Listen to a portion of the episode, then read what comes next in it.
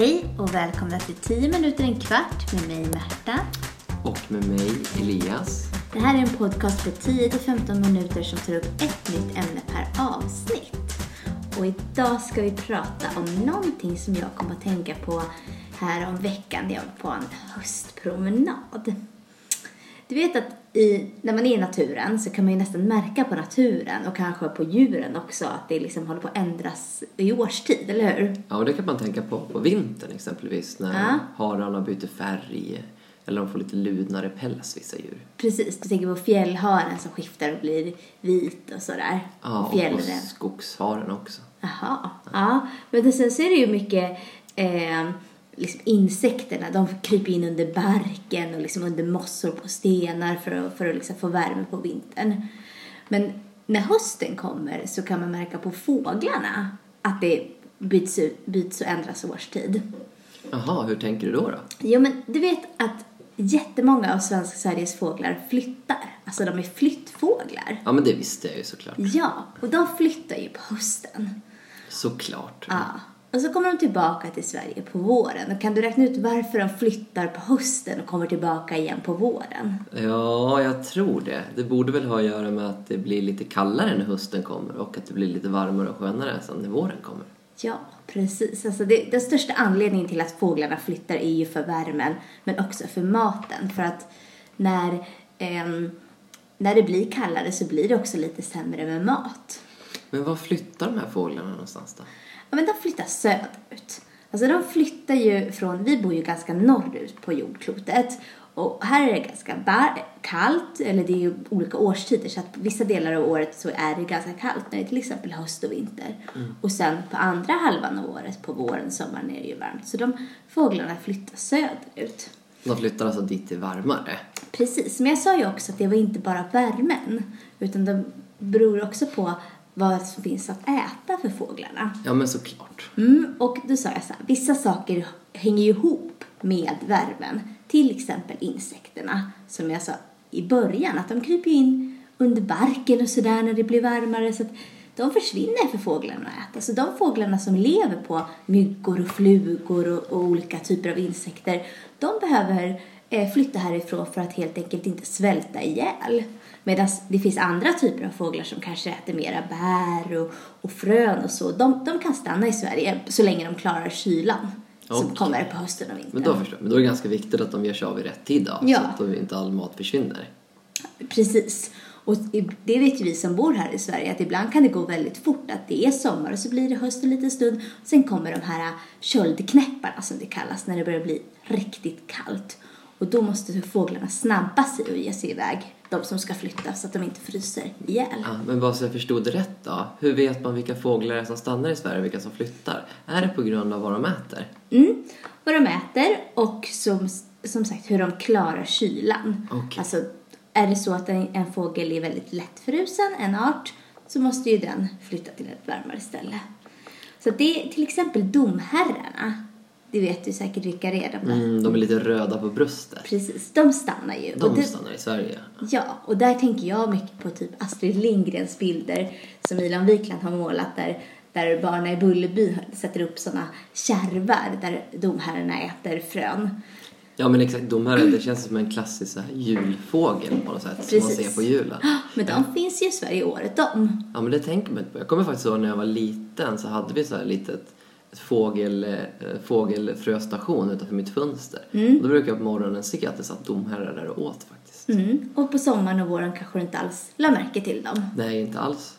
Men vilka fåglar är det som flyttar utomlands då? Det är jättemånga. Det är bland annat bofinkar och svalor och gökar och nästan alla, de allra flesta fåglarna flyttar.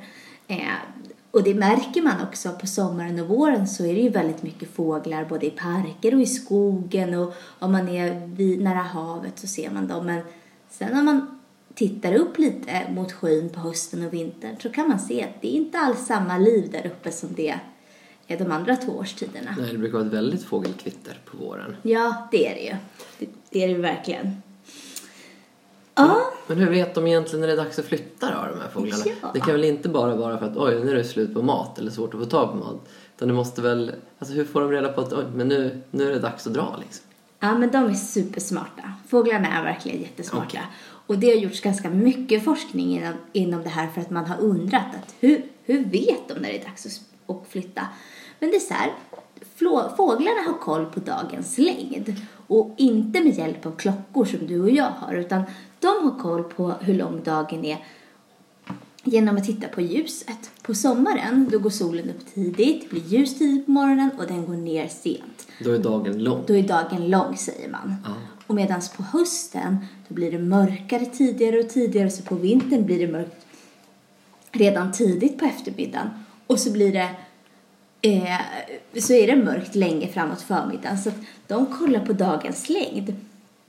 Och när de märker att det börjar bli mörkare, mörkare, mörkare så förstår de att nu är det dags för oss att flytta härifrån. Men det var ju jättesmart. Tänk om man själv hade en sån inbyggd liksom, känsla för att nu är det dags, nu är det mörkt, nu är det dags att flytta söderut. Men kan det ha någonting att göra med att det blir kallare också? Ja men precis, det är ju det här med hela tiden med kölden, att de är ju känsliga. De flesta fågelarter är ju känsliga för kyla, så när de här köldknäpparna kommer som jag sa i början, då vet man att nu måste jag flytta. Vissa flyttar redan innan köldknäpparna, men det är liksom som en sista varningstecken kan man säga för fåglarna, att nu är det verkligen dags. Men jag sa ju förut att de flyttar utomlands. Stämmer det? Är det utomlands de flyttar? Ja, alltså det är en jättebra fråga. De allra, allra flesta få- fåglarna flyttar söderut och menar då utomlands, alltså till, söd, till länder som ligger längre söderut än Sverige. Men du vet ju att Sverige är väldigt långsmalt. Så att om man bor i norra Sverige, i Norrland någonstans, då är det mycket kallare på hösten och vintern än vad det är i södra, i Skåne och Småland och, och andra landskap som ligger långt ner.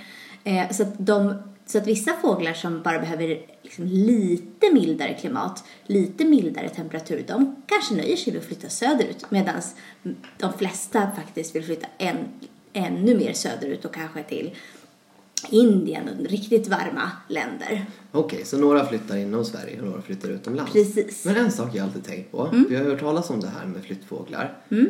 Alltså hur hittar de egentligen var de ska? Tänk om de liksom skulle flyga norrut och hamna på Nordpolen istället. För Jag att det blir fel. Det är Ja. jättelätt att flyga åt fel håll. Jag vet, nej men det här är helt, det här är helt sjukt. Det här har jag också verkligen imponerats av. Men det, det har också forskarna såklart forskat jättemycket i.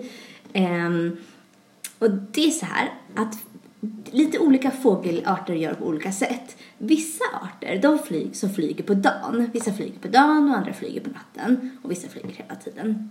Men de som flyger på dagen kollar på solen och liksom har koll på, genom att titta på solen, åt vilket håll de olika väderstrecken är. Och väderstrecken är ju norr, söder, öster och väster. Och då kan de titta på solen och se att ah, ditåt är norr och hitåt är söder. Jag ska åt söder. Det är jättesmart. Mm. Då vet man ju att solen går upp i öster och går ner i väster. Och det vet fåglarna. Ja, fastän ingen har lärt dem det. Fastän ingen har lärt dem det. Vad vi vet. Vad vet. Men, och det, är ju jättesmart Mm. att kunna kolla på solen. Eh, Men på natten finns det ju ingen sol. Nej, och de fåglarna som inte har tillgång till att titta på solen utan flyger på natten, de tittar på stjärnhimlen. Ah, som man gjorde förr i tiden när man åkte båt eller försökte liksom navigera Mm. Precis. sig. Men så finns det också de fåglarna som man har inte riktigt koll på hur det går till, men man vet att de har som en, en inbyggd kompass. Du vet en sån här liten apparat som ser ut som en klocka som visar vilket väderstreck man ska åt. Ja, men det vet jag. Ja, en sån liten kompass har de som inbyggd i sig så de vet åt vilket håll de ska åt utan att liksom behöva titta på varken stjärnhimlen eller solen. Gud vad häftigt. Så Mm. de har liksom ett lite inbyggt navigeringssystem då, som man har i Precis. bilen. Ja, det är superkonstigt och coolt. Okej. Men sen är det så här att du vet, vi människor, vi lär oss ju det mesta av kanske våra föräldrar eller äldre släktingar eller stora syskon eller lärare och sådär. Man lär sig av, av någon. Ja, eller att någon lär en någonting. Precis, att man hjälps åt att lära sig av någon som kanske är duktigare än en själv på någonting. Och det finns faktiskt vissa fågelarter som gör det också, att man liksom lär den yngre generationen att vi i vår släktklan, vi åker hit när det börjar bli höst och vinter i Sverige och sen flyttar vi tillbaka.